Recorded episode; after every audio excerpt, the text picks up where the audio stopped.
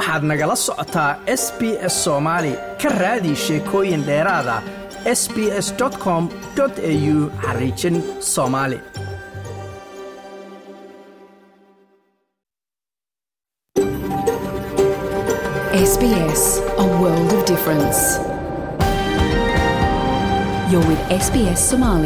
on mobile, online, and on radio. waxaad nagala socotaan s b s soomaali oo aad ka heli kartaan mobil online iyo rediyoga habeen wanaagsan dhammaantiin meel kastoo aad joogtaan ku soo dhowaada laanta af soomaaliga ee idaacadda s b s caawa waa habeen jamcaha tobanka bisha februari sannadka labada kun labaatan iyo saddexda. Barnaamijka caawa wuxuu idinkaga imanayaa stuudioga magaalada melbourne waxaana idinla socodsiinaya anigoo ah maxamed madar. Waxyaabaha aad caawa idaacaddayada ku maqli doontaan waxaa ka mid ah sidee looga badbaadi karaa khataraha xeebaha astreeliya warbixin baan idinka haynaa arrintaasi.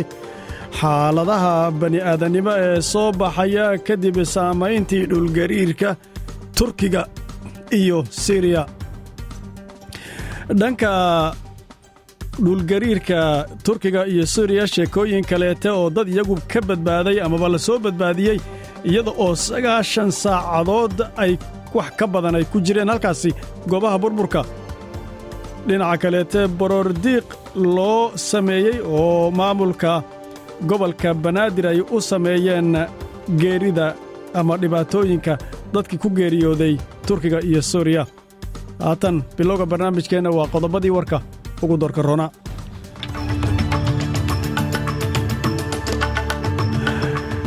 tirada dadka ku geeriyooday dhulgariirka turkiga iyo siriya ayaa kor u sii dhaafay labaatan iyo kow kun astreeliya tiim arrimaha degdega ah oo dhanka turkiga u kicitamay in maantanimo ay gaadhaan lagu wado halkaas. Hay'adda xuquuqul insaanka ee amnesty international ayaa ugu baaqday dhinacyada isku haya laascaanood in ay dagaalka joojiyaan. Haatanna warkii oo fidsan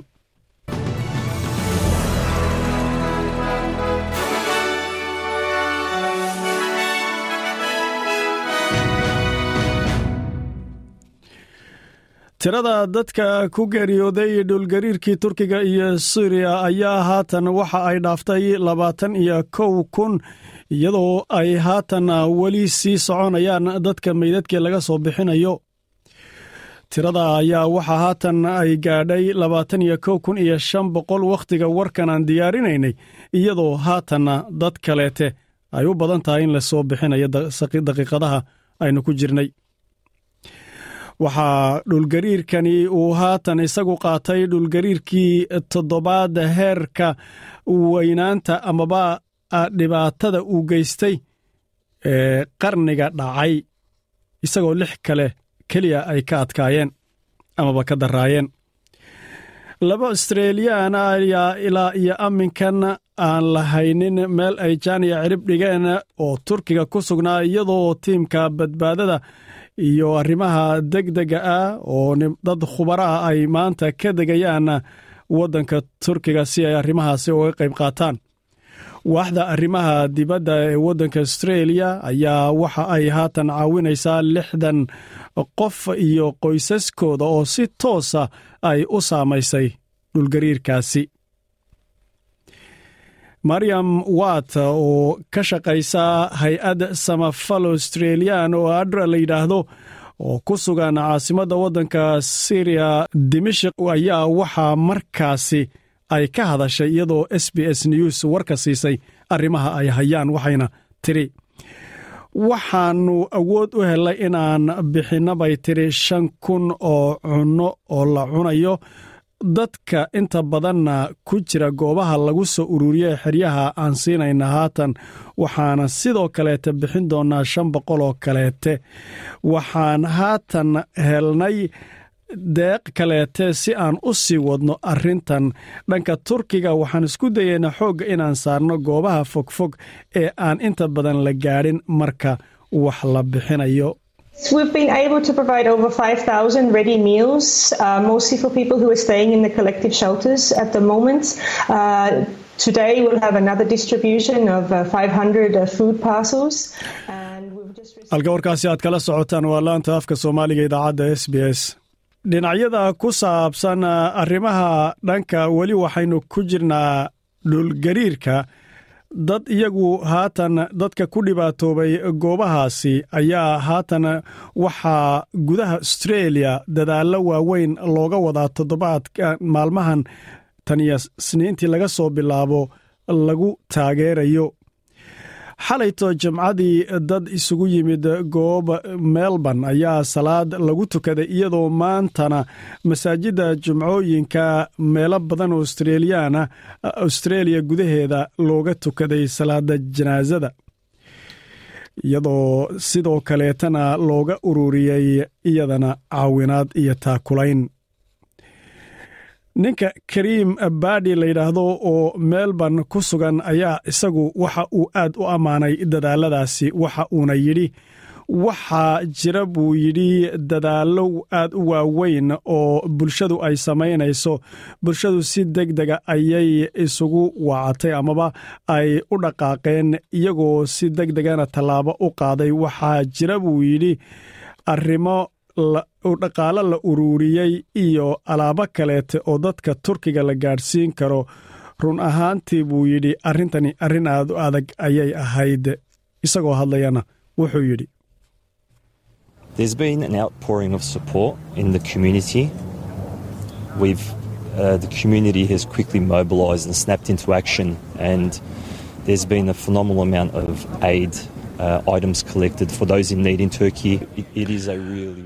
Weli waxaynu ku jirnaa isla warkaase iyadoo bakistan ay ka soo jeedo ayaa iyadoo bakistan uu ka soo jeedo ayaa muusi ninka la yidhaahdo oo sydney ku sugan waxa uu la hadlay s b s news waxa uuna markaana sheegay in isaga oo isu barbardhigaya labadii kun iyo shantii kashmiir dhulgariir ka dhacay kaasoo si adag u saameeyey dad badanna ay ku dhinteen isagoo hadlayana wuxuu yidhi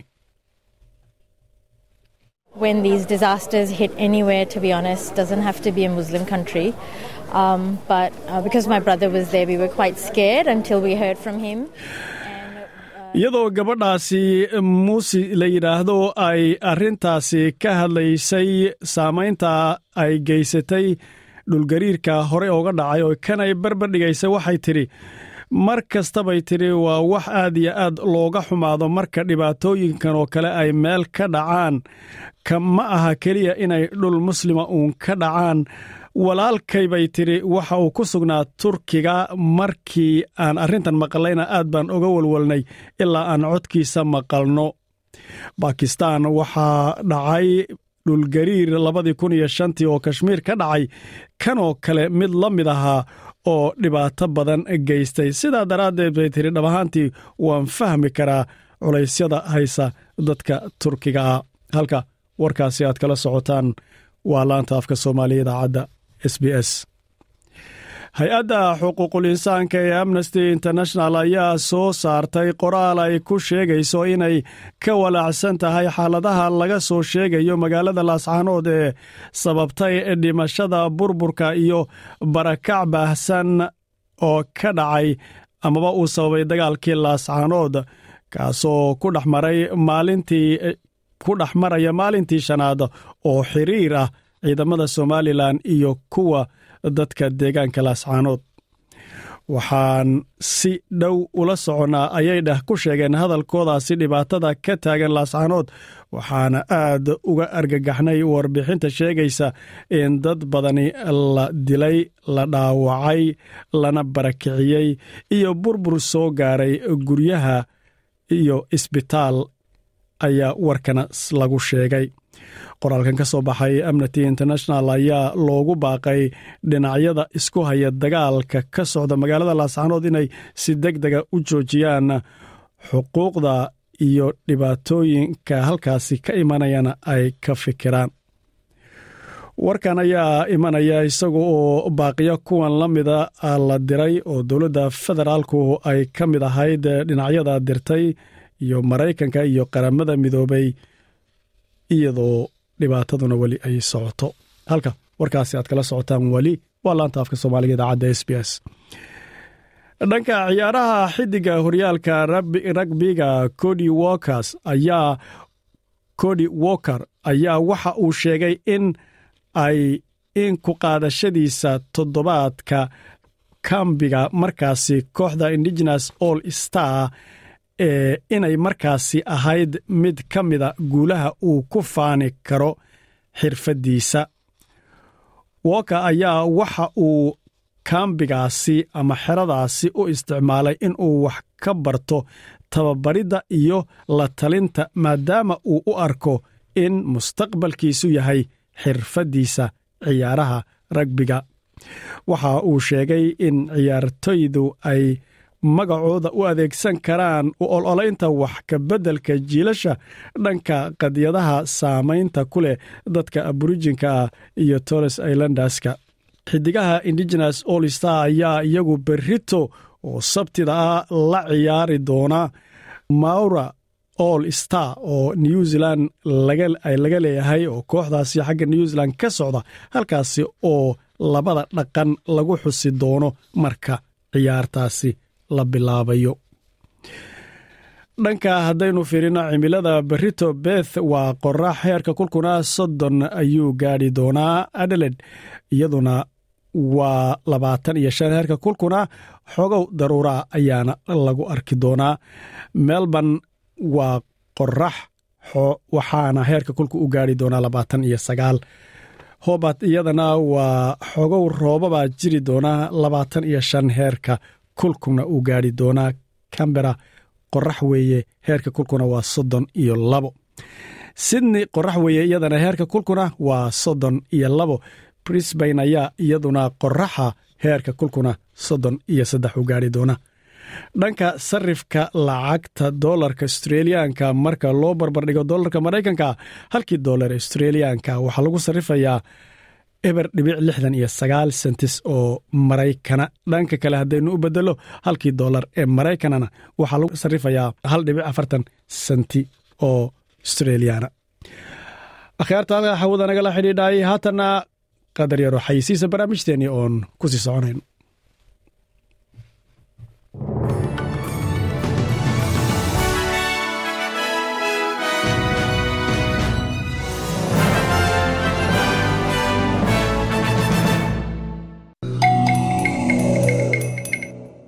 waxaana wanaagsan akhyaarta hawada nagala socotay barnaamijkeenna innagoo haatan bilowgiisa ku jirna waxaa noo soo socda xaaladaha bani aadanimo ee soo baxaya kadib saamaynta dhulgariirka turkiga iyo suuriya ka jira. Barnaamijkeenna caawa dhulgariirka ayaa qaatay waana xaaladda taagan.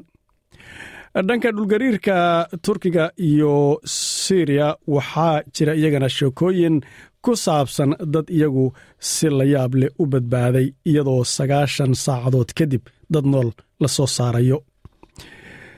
Baroordiiq ayaa sidoo kaleete maamulka gobolka banaadir ay xaruntooda ugu sameeyeen muqdisho dadkii ku geeriyooday dhankaas dhulgariirka turkiga iyo siriya warbixin baan idinka haynaa. Haatanse waxaad ku soo dhowaataan sidee looga badbaadi karaa khatarta xeebaha waddanka astreeliya xeebaha waddanka astreeliya marka lagu dabaalanayo ayaa mararka qaarkood waxaa dhacaa in dadka qaarkood ay baddu qaaddo amaba uu yimaado yaxasbadeed waxa shaagga loo yaqaano oo halkaasi dhibaato uu ka geysto. Talooyin marka khubaradu ay bixinayaan ayaa aan warbixin idinka haynaa oo ah sidee looga badbaadaa khataraha xeebaha astreeliya sidee looga badbaadaa dhibaatooyinka xeebaha badda astreeliya marka lagu dabaalanayo? Marka aan ka fikirno xeebaha astreeliya la kulanka ama iska horimaadka yaxaasbadeedka ama waxa shaagga loo yaqaano ayaa inta badan maskaxda ku soo dhacaysa waddanka astreeliya oo bad ku weegaaran sidii jasiirad weyn waxay leedahay noocyo kala duwan oo yaxaasbadeeda laakiin badi noocyada yaxaasbadeedku dhib badan kuma hayaan bani aadanka. Si kastaba ha ahaatee xoogga meertooyinka ama biyaha meertada ah ee xoogga badan ayaa loo arkaa mid ka mida khataraha ugu weyn ee uguna caansan xeebaha astreeliya ogaanshaha halka iyo goorta la dabaasho ayaa ah difaaca ugu fiican ee looga hortagayo khataraha xeebaha ka jira astreeliya waxa ay leedahay wax ka badan labiyo toban kun oo xeebood. Wax ka mida boqolkiiba shan xeebahaasi ayaa la ilaaliyaa oo ay ilaaliyaan ciidamada badbaadadu.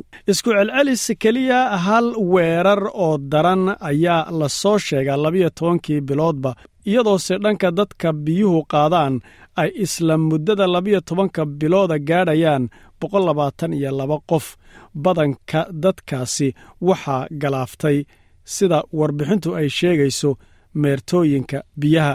Shan daw waa maamulaha guud ee badbaadada xeebaha. Ciidamada badbaadada xeebuhu waxa ay sameeyeen kun samata bixina ama badbaadina sannaddii la soo dhaafay.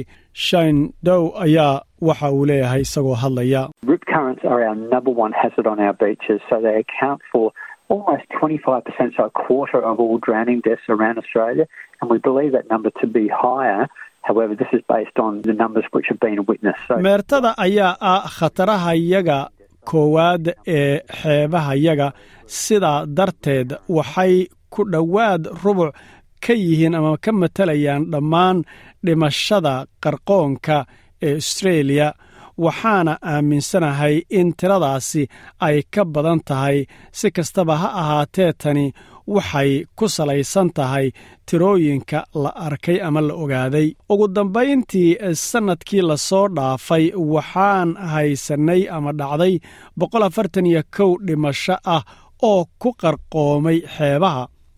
Marka waa tiro naxdin leh qiyaastii soddon iyo lix ka mid ah kuwan ayaa loo aaneeyey meertooyinka in ay u dhinteen. Meertadu waa biyo xoog leh oo u soconaya dhinaca hirku u soconaya mooye dhinaca kaleete iyadoo kugu tuuraysa gudaha badda meel ka fog bannaanka dhulka. Masterdown sida uu leeyahay waxaa dhici karta in ay adkaato in la arko meertooyinkaasi si looga fursado wuxuuna yidhi isagoo hadlaya waxaan ognahay in laba ka mida saddexdii qof ay ku dhahayaan waxaan karnaa inaan aragno meertooyinkaasi. Waa ay gefsan yihiin kuwaasi. Haddii aad aragto hirarku inay kugu soo aadan yihiin aadna aragto aadna aragta dhinacya aan lahayn hirar waaweyn. Waxa aad rumaynaysaa in dhinacaasi ama halkaasi ay tahay meel ammaan badan balse waxaa laga yaabaa in dhiyuhu ay u dhaqaaqayaan dhinaca kaleete. Sidaa daraaddeed laguma arkayo hirar goobahaasi aad dareento. Waxaa dhici karta in meertooyinku ay dilaan noqdaan sidaa daraaddeed haddii ay midugku qabsato.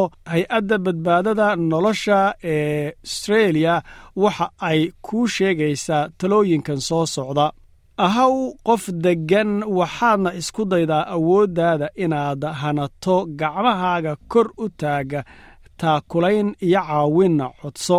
Israaci hirarka waxaana suurtagala in ay kugu soo tuuraan goobaha dhayga ah amaba u dabbaalo goobta ku aadan goobta dhayga ah amaba bannaanka ah balse shiindaw waxa uu leeyahay nasiixada ugu wanaagsan waa inaad ku dabbaalato meel ammaana. Waxa uuna leeyahay waxaan dadka ku boorinaynaa in ay ka fikiraan meesha ay ku dabbaalanayaan awooddooda ay hantaan iyo kartida ay leeyihiin iyo meesha suurtagalka ah in ay joogaan dadka ilaalada badda ah ku dabbaala ayuu yidhi goobta u dhaxaysa calanka casaanka ah iyo calanka jaallaha ah. Toddobaatan iyo lix dadka u dhinta qarqoonkaasi oo aan labiyo toban bilood aan hayno dhab ahaantii waxa ay ka dhacdaa hal kilomitir meel ka fog meesha ciidanka badbaadadu ay joogaan. Sidaa daraaddeed waxa dhambaalka ugu muhiimsani uu yahay ee dadka loo dirayo in marka ay u socdaan goobta lagu dabaasho ee xeebta ah qof kastaba ahawe waxa aad fiirisaa goobta la waardiyeynayo calanka casaanka ah iyo kan jaallaha ah waxaad u hubsataa ood u qaadataa goob inay tahay ammaana oo ciidamada badbaadada ama badbaadintuna ay roondooyin ku soconayaan kor meerayaanna haddii halkaas dhib kugu qabtana ay awood u yeelanayaan in ay ku caawiyaan kana bixiyaan dhibkaasi. Si ka duwan qarqoonka xeebaha weerarrada iyo xaasbadeedku waa dhacdooyin aan caadi ahayn oo si goosgoosa u dhaca. Doctor foneb menger waa sargaalada ilaalinta duurjoogta ee taronga conservation society. Waxa ayna kaydisaa xogaha dhacdooyinka ee iyo xaasbadeeda oo la diiwaan geliyey taniyo kun siddeed boqolkii. Waxay leedahay austreeliya waa waddanka labaad ee ugu badan xagga qaniinyada shaagga ama qaniinyada iyo xaasbadeeda waddanka koowaad waa maraykanka bay tiri. Dhab ahaantiina waxaan ka soo kacnay isku celcelis ahaa sagaal qaniinyo sannadkii una dhexaysay kun sagaal boqol sagaashankii ilaa labadii kun iyadoo aan u soo kacnay labaatan iyo laba qaniinyo sannadkii oo u dhexaysay labadii kun iyo tobankii ilaa labadii kun iyo labaatankii. Nasiib wanaag dhankeenna hal qaniinyo oo keliya ayaa qaniiyooyinkaasi fara badan loo arkaa inay tahay wax daran ama mid khatara.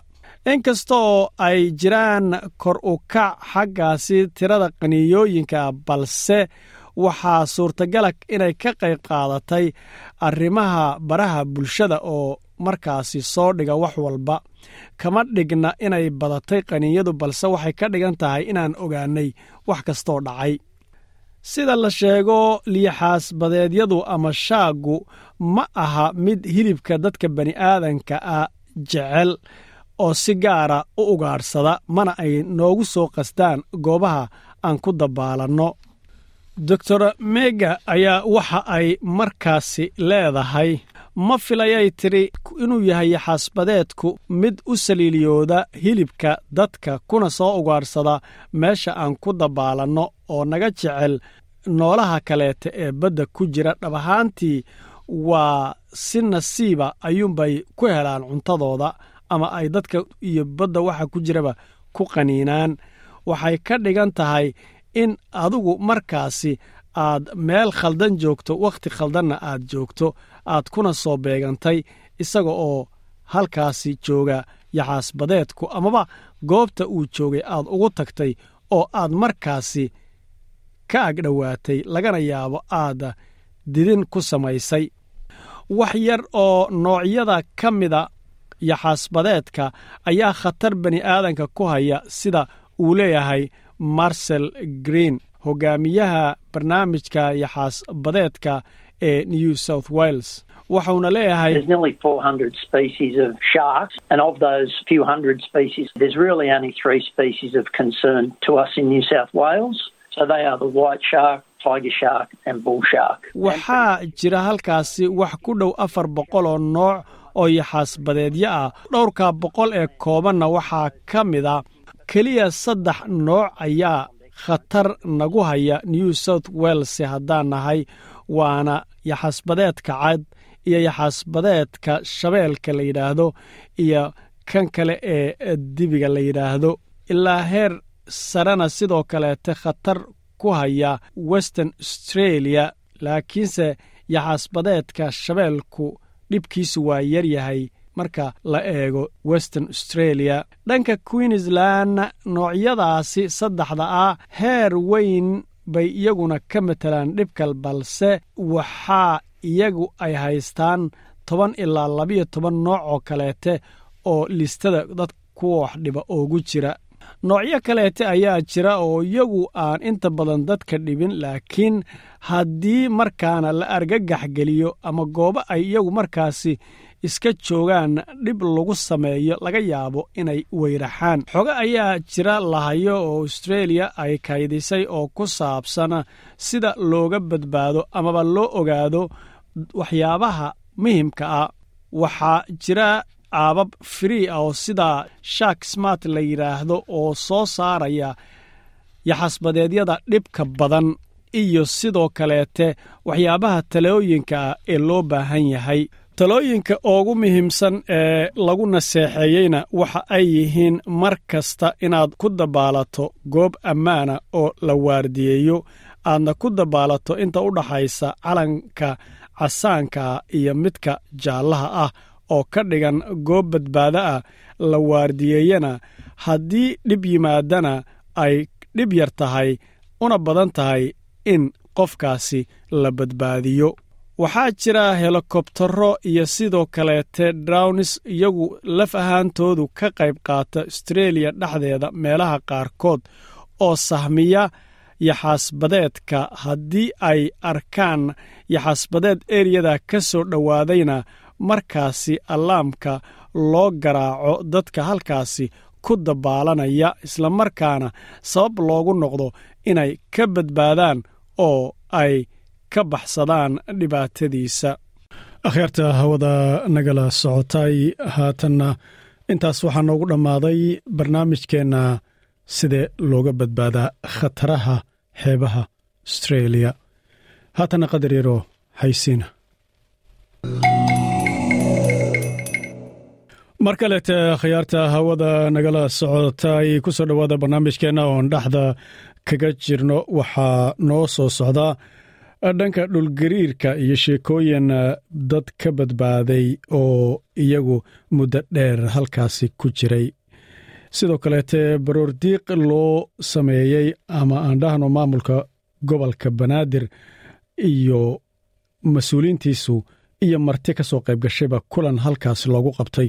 Baroordiiqna loogu sameeyey dadkii ku geeriyooday dhulgariirkaasi turkiga iyo suuriya. Labadaa borograam baa noo soo socda haatanse waxaad ku soo dhowaataan xaaladaha bani aadannimo ee soo baxaya kadib saamayntii uu geystay dhulgariirka ku dhuftay turkiga iyo siriya ayaan waxaan ka diyaarinay warbixin ee dhegaysi wacan dhibaato barbar socota dhulgariirkaasi aad u saameeyey waddanka turkiga koonfurtiisa iyo waqooyiga waddanka suuriya ayaa kumanaan ay hoyla'aan u yihiin jawi isagu aad u qabow badan iyadoo hay'ada dawliana ay ka digayaan dhibaato caafimaad. Marka lagu daro dhibaatada aadka u ba'an ee dhulgariirka turkiya iyo suuriya ka dhacay ay sababeen dhimashada gaadhaysa labaatan kun oo qof wax ka badan.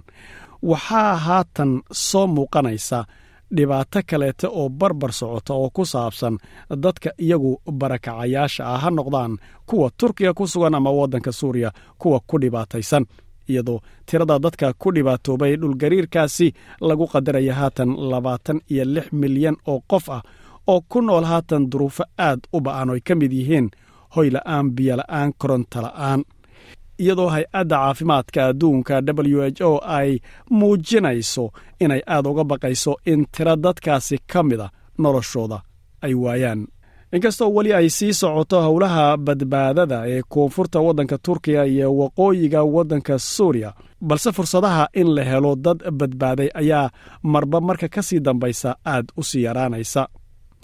Iyadoo dadkaas soo badbaadayna ay fadhiyaan goobaha burburka a sugayaanna inta laga dhammaynayo dadka halkaasi ku dhintay meydadkooda soo bixintooda iyo dadka badbaaday soo ururintooda dhinaca turkiga waxaa dadka ku dhibaatoobay dhulgariirkaasi waxa ay dhaafayaan shan iyo toban milyan oo qof iyadoo arrintaana mas'uuliyiinta waddanka turkiga laga soo xigtay. Dhanka qaramada midoobey ayaa iyaduna waxay sheegaysaa kow iyo toban milyan in ay dhibaatadan dhulgariirka ee waqooyiga galbeed ee suuriya ku waxyeeloobay inay gaadhayaan. Magaalooyinka dhibaatooyinku ka dhaceenna waxaa ka mid ah xamaad laadiqiya idlib darduus iyo xalab guryo fara badan oo gobollada dhibaatada dhulgariirku ay saameeyeen ayaa waxaay haatan u dhexeeyaan guryo si buuxda u dumay iyo kuwo kaleoo iyaguna dildilaac weyn uu soo gaadhay oo aan la degi karin iyo kuwo la mamnuucay in la adeegsado ilaa iyo inta laga xaqiijinayo in guryahan la degi karo iyo inaan la degi karin mas'uuliyiinta turkiga ayaa waxa ay sheegeen in ay burbureen guryo gaadhaya lix kun oo guri oo ka tirsan ama ku yaalla gobollada tobanka ah ee ku saamoobay dhulgariirka. Dhibaatada ayaa waxa ay ku sii labalaamaysaa dadka markii horeba qaxootiga ahaa si gaara dadka suuriyiinta ah iyadoo shan iyo toban milyan oo gobollada turkiga ku waxyeeloobay ay ku dhex jiraan hal dhibic toddoba milyan oo qaxootiga oo reer suuriya dadkan ayaa markii horeba duruufo qaxootinimo ugu noolaa.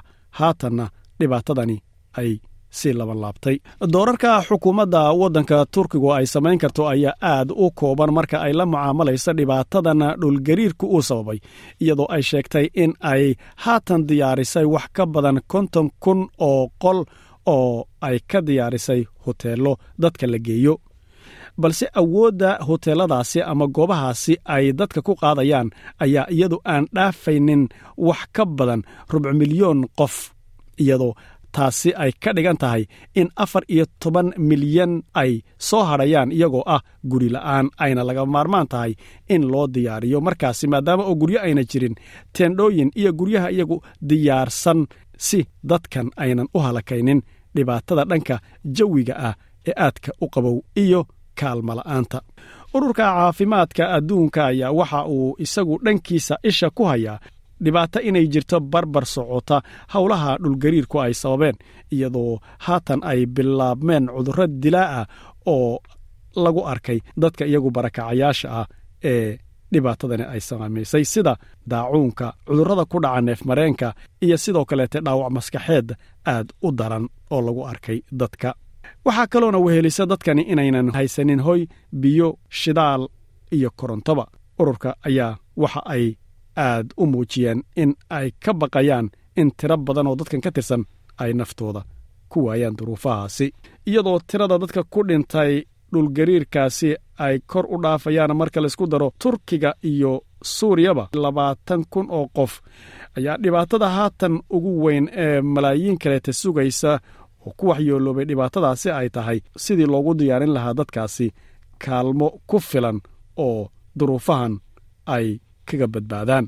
Mid ka mid a xaaladaha badi'aadanka iyadoo ah ayaa gabadh hooyadeed oo waayeela waxaa laga soo badbaadiyey dhulgariirkaasi burburkii uu sababay iyadoo loola cararay isbitaal ka mida goobaha dadka lagu daweeyo badbaadiyaalka ayaa waxa ay ka soo bixiyeen hatika korkuut goob burbur ahayd halkaasoo ay ku sugnayd amaba ay ku xanibnayd toddobaatan iyo laba saacadood wax kor u dhaafaya.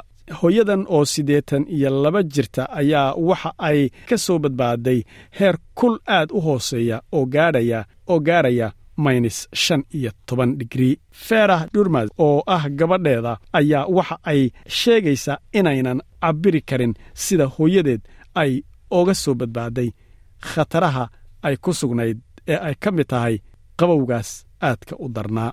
Waxayna tiri On the first day, my younger sister with her three children were rescued. On the second day, rescuers pulled out the bodies of my elder sister with her husband. Maalinkii ugu horraysay walaashayda iga yarayd iyo saddex carruura oo ay dhashay ayaa la soo badbaadiyey maalinkii labaadna badbaadiyaashu waxa ay soo bixiyeen maydadka walaashayda iga weynayd iyo ninkeeda. Waxay ahayd arrin adag middani waxaan ka wadaa ma aanan xamili karin middan.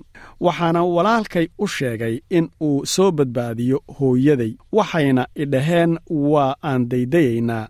Ma aanan ka samrin hooyaday waxaana rumaysnaa in ay nooshahay ayay tidhi maamada ayaa islamarkaaba inta luqunteeda qalab adkeeya lagu xidhay ayaa isbitaalka loola cararay isla markiina lugteeda oo aad u burbursanayd ayaa natiijadu ay noqotay in laga gooyey gabadheeda oo hadlaysa mar kale waxay tidhi Şükürler olsun. Thank God, on the fourth day, we have seen my mum again. Thank God she is okay. alla ayaa mahadle maalinkii afraad ayaannu aragnay hooyaday mar kale alla ayaa mahadle. Way fiican tahay keliya wuxuu yahay in lugteedii oo dhaawac ahayd takhaatiirtu ay ka gooyeen. Tiradada ayaa waxa ay iyagu qabteen bannaanbax aamusa oo ay ku qabteen waddanka suuriya waqooyigiisa galbeed. Waxa ay ka mudaharaadayaan daahidda falcelinta caalamku ay sameeyeen ee ku saabsan dhulgariirka dhanka suuriya qabsaday. Mid ka mida dadka ololeeyayaasha ah ee arrimaha badbaadada ka qayb qaadanaya ayaa waxa uu leeyahay xitaa maalinkii afraad buu yidhi ee dhulgariirkani uu dhacay weli wax gacanqabada oo taakulayna noocuu doonabahaadee oo eeriyadan soo gaadhay ma jira ayuu yidhi.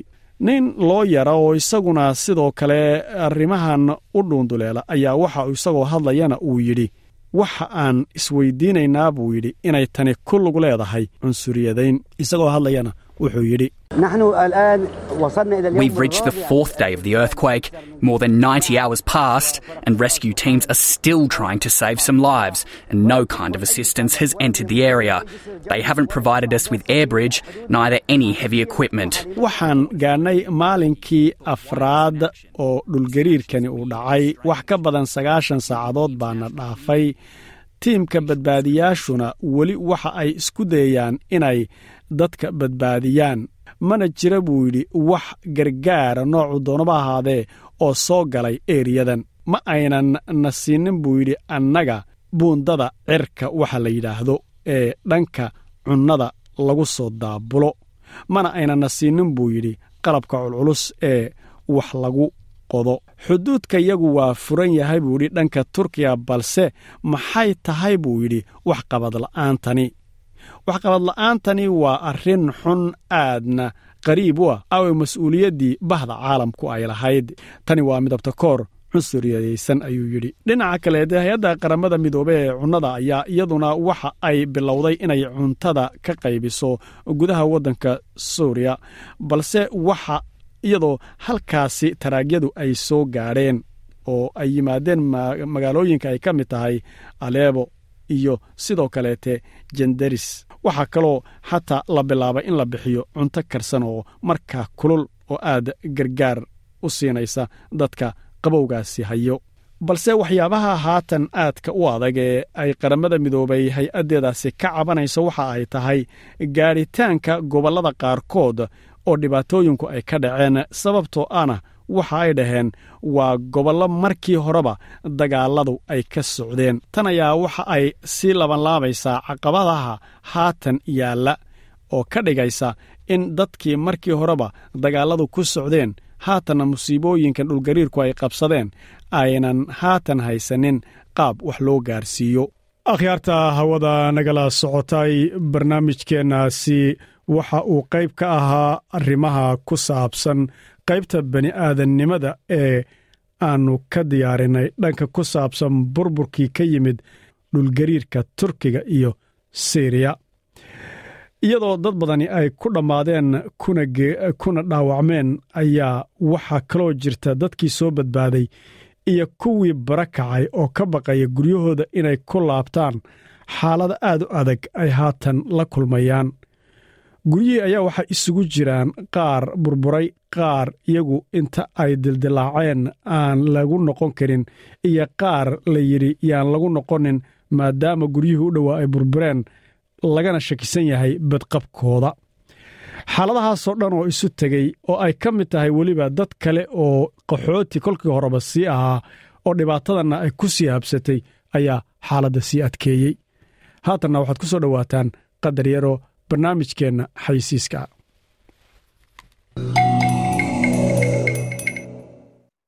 maamulka gobolka banaadir ayaa xaruntiisii dowladda hoose ee magaalada muqdisho kulan duco iyo barardiiqa ugu qabtay dadkii ku geeriyooday dhulgariirkii xoogganaa ee ku dhuftay dalalka turkiga iyo siiriya kulankan waxaa ka soo qaybgalay guddoomiyaha maamulka gobolka banaadir ahna duqa muqdisho iyo ku-xigeenadiisii qaar ka mid ah culimaadudiinka ku dhaqan magaalada caasimadda ah iyo dadweyne kale waxaana halkaasi loogu duceeyey dadkii tirada badnaa ee dhulgariirkaasi ku dhintay kuwa ku dhaawacmayna loo rajeeyey caafimaad deg deg ah.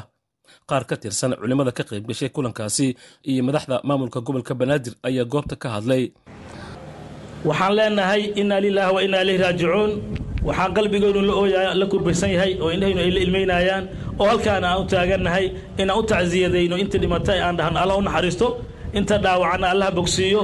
Dadkii iyo eheladii laga dhintay iyo xukuumadihii oo ugu horreeyay madaxweyne urdugan iyo dhammaan shacabka iyo xukuumadda turkiya walaalaha aan nahay ee turkiya iyo walaalaha muslimiinta ah ee suuriya oo ayukuna walaalo aan nahay dhammaantood waxaan leenahay sabar alla idin siiyo kuwa dadka dhintana waxaan leenahay shahaadadooda allah u aqbalo. Inta naga xanuunsanna allah caafiya ayaan leenahay. Caalamka oo dhan islaamka ayay taabatay dad badan oo islaama oo soomaaliya ay ka mid tahay suuriya iyo turkiga ay awoodda ugu badan yihiin ayaa ku geeriyooday ku dhammaaday wixii muslimana waxaa loo rajayhayaa oo sadmada ku dhintay inay yihiin ahlu janno oy shuhada yihiin shuhadaa'ul weliba la yidhaah. Inay shuhadaa'ul yihiin waxaan ugu daraynaa ruuxa markaa laga dhinto amay musiibo saabato ama caalamkaba taabato sabar sabarkuna waxaa weeye marka hore intaan jazac ausan dhicin oo argagax ausan dhicin inama sabru cinda sadmati aluula markay sadmadu ay dhacdo in la sabro yaa loo baahan yahay dhankiisii gudoomiyaha gobolka banaadir ahna duqa muqdisho yuusuf xuseen jimcaale madaale oo isna hadlay ayaa ka tacsiyeeyey dadkii dalalka turkiga iyo siiriya ugu geeriyooday dhulgariirkaasi. Kelmaadkii meeshaan munaasabka u ahaa waxaa ka dhawaajiya culimmada annaga waxaan isugu nimid oo aan qorraxda u istaagnay oo saacaddan ugu aadinnay inaan dareenkayna u muujinno walaalahayna qaaliga nagu ah fii ahnaa'i shidda wal mixan na garab taagnaa jiray oo turkiga iyo walaalahayna siiriya inaan u muujinno inaan la xanuunsanayno ayaan halkan isugu nimid. Ilaahay waxaan uga baryaynaa silsaalkii ku dhacay iyo ummaddii ku halaagsantay. Saaka waxaan fiirinayay aljaziira saddex iyo toban kun iyo dheeri ayay dhimashadu maraysay oo weli la sii baaraayo. Lixdan kunna dhaawacaa kor u dhaafay. Hantida burburtana xisaab ma gasho. Siiriyana sidoo kale saddex kun ku dhowaad ayay dhimashadu maraysay. Lix kun ku dhowaadna waxay maraysay dhaawaca oo ayaguna weli shaqada lagu jiro. Turkiga waxaa intaas dheeraa loo gudbi layahay meelaha qaarkood oo dhibka ka dhacay sida lagu gaara ay adag tahay. Waxaan leenahay rasuulka calayhi salaatu wasalaam wuxuu yidhi mathalu lmu'miniina fii tawaadihim wa taraaxumihim ka mathali jasadi waaxid ida ishtakaa minhu tadaacaa lahu saa'ira aljasadi bisaari walxuma qofka mu'minka qofka kaloo mu'minka waa walaalkiis. Haddii ay xibin xanuunta jidhkiisa ka mid ah jidhka inta kale waa soo jeedayaa sidaas ayaa walaalahayna turkiga iyo walaalahayna siiriya dhibki gaaray ayaan la laxawsanaynaa lana xanuunsanaynaa. Guddoomiyaha ayaa tibaaxay in dhulgariirkaasi ka dhacay turkiga iyo siiriya dadka soomaaliyeed ay aad ula xanuunsanayaan isagoona xusay in ducadan ay u qabteen ay tahay waxa keliya ee ay awoodaan ka maamul ahaan. Waa hubaa qorraxda qofkii taagan nus saac ama shan iyo toban daqiiqo taagan wuu dareemayaa xoogaa qorraxduu dareemayaa madaxa iyo lugaha iyo wejiguu ka dareemayaa. Dadkii guryahay ku jireen ku dumay ee ku burburay ee ku hoos jiro ee buris iyo looga qodaaya baallo ka warran. Marka waxaan rabnaa in ilaahay subxaanahu wa tacaalaa ducaa'ul qaa'ibka waa maqbuule. Ducadan aan u ducaynayno oo halkan aan isugu nimidna annaga iyo culummadayni in ilaahay subxaanahu wa tacaala fowqa sabca samaawaat ou naga aqbalo. Allaahuma kfir lilmu'miniina waalmu'minaat waalmuslimiina waalmuslimaat ilaahay subxaanahu wa ha u naxariisto intii dhimatay. Ilaahay waa tawshiiqa noo sheegaaya shuhaaddaa lagu tilmaamee allah ka dhigo kuwa ku sabra dhibaatada ku dhacday. Qabow xaalad qaboobay ku jireen.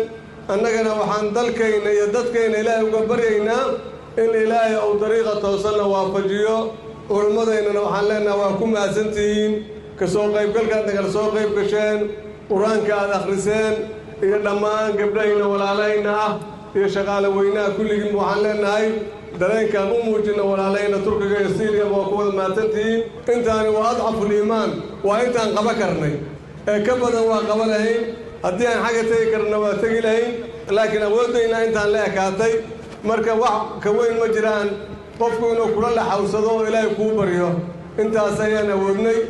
Dowladda turkiga ayaa la daalaadhacaysa dhibaatada ka dhalatay dhulgariir xoogan oo ku dhuftay qeybo ka mid a dalkaasi kaasi oo sababay dhimashada ku dhowaad shan iyo toban kun oo ruux dhaawac intaa ka badan iyo burbur xoog leh waxaana dadkaasi ka mid ah arday soomaaliyeed oo dalkaasi wax ka baranaysay.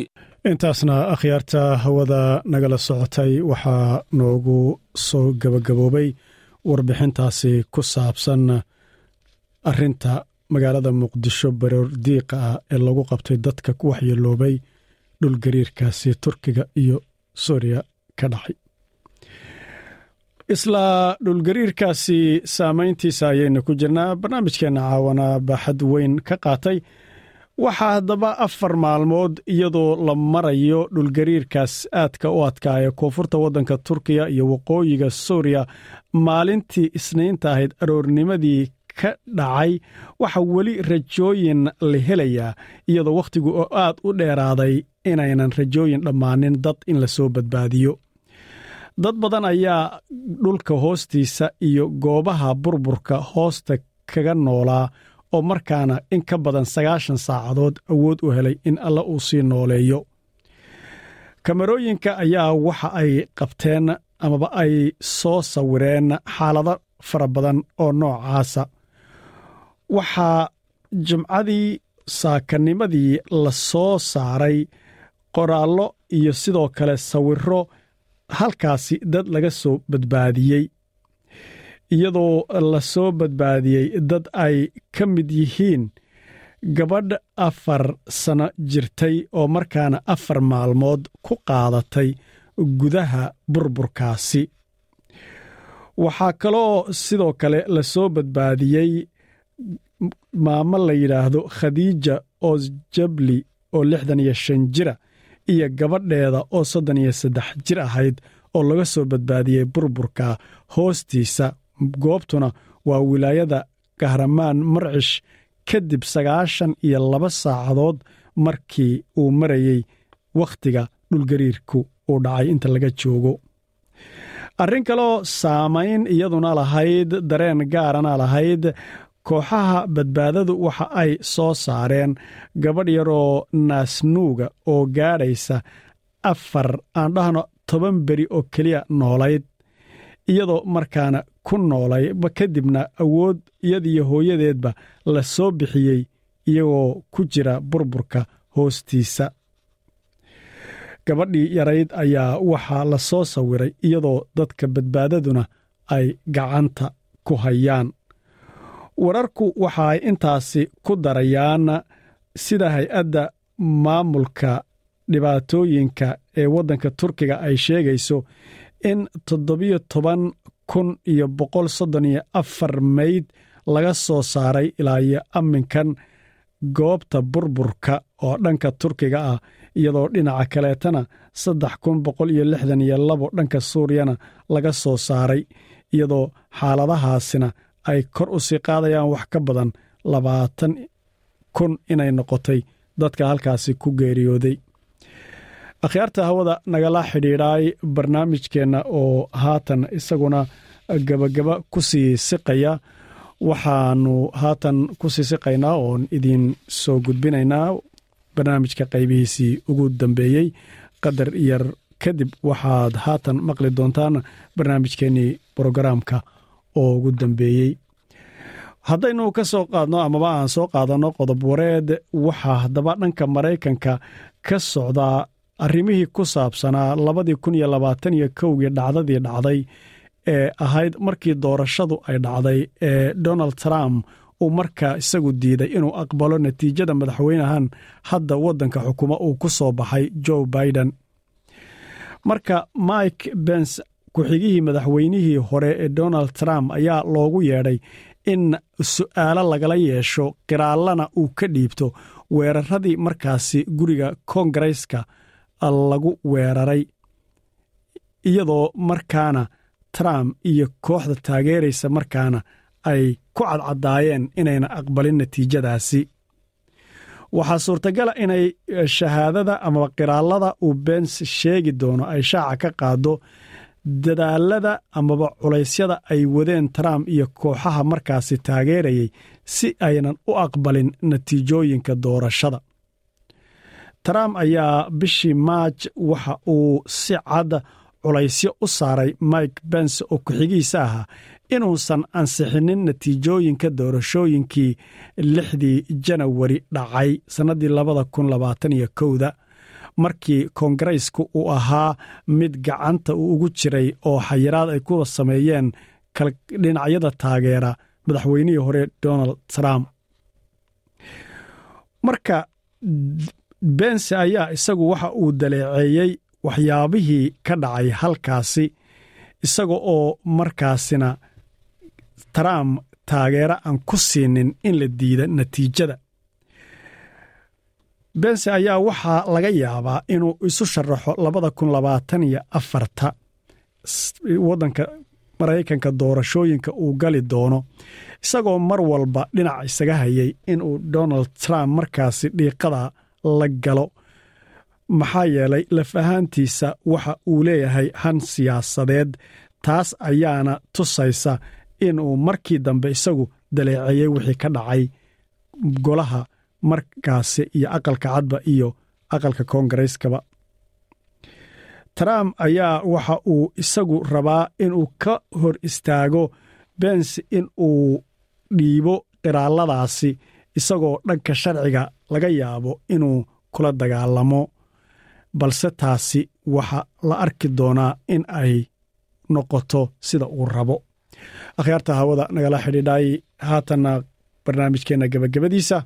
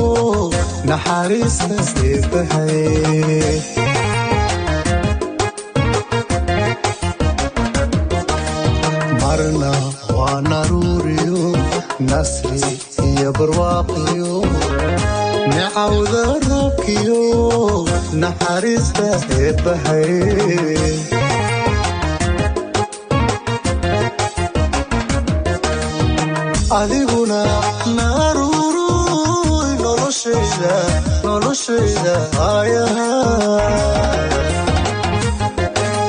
naftu halkay u baahnayd nasiibka isiiyo saba lagu nagaaday nasta tahay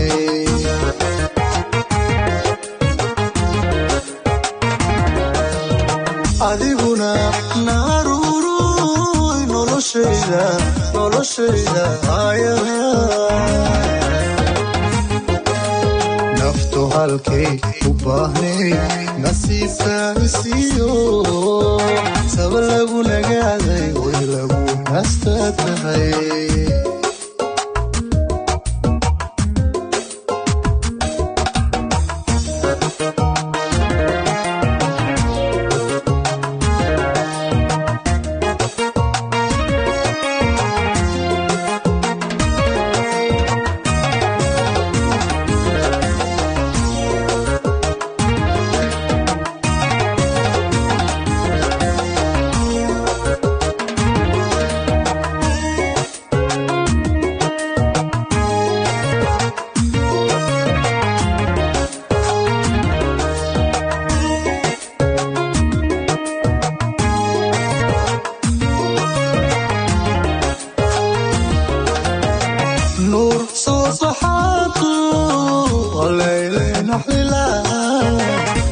waxay jeclaato unaalooto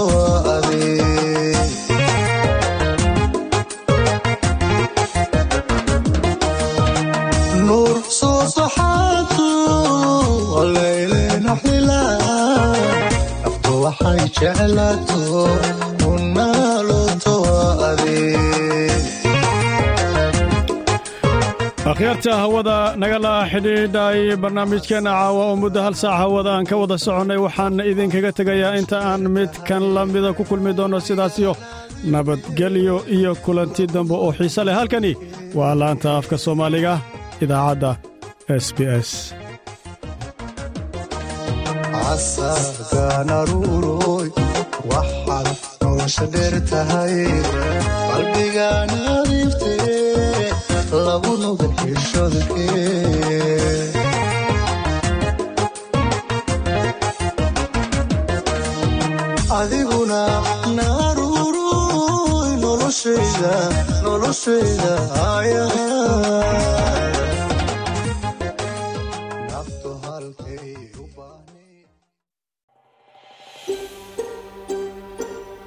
ma doonaysaa sheekooyinkan oo kale.